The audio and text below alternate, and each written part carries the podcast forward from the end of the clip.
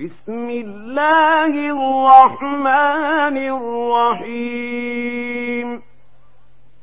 قل أعوذ برب الفلق من شر ما خلق ومن شر غاسق إذا وقب ومن شر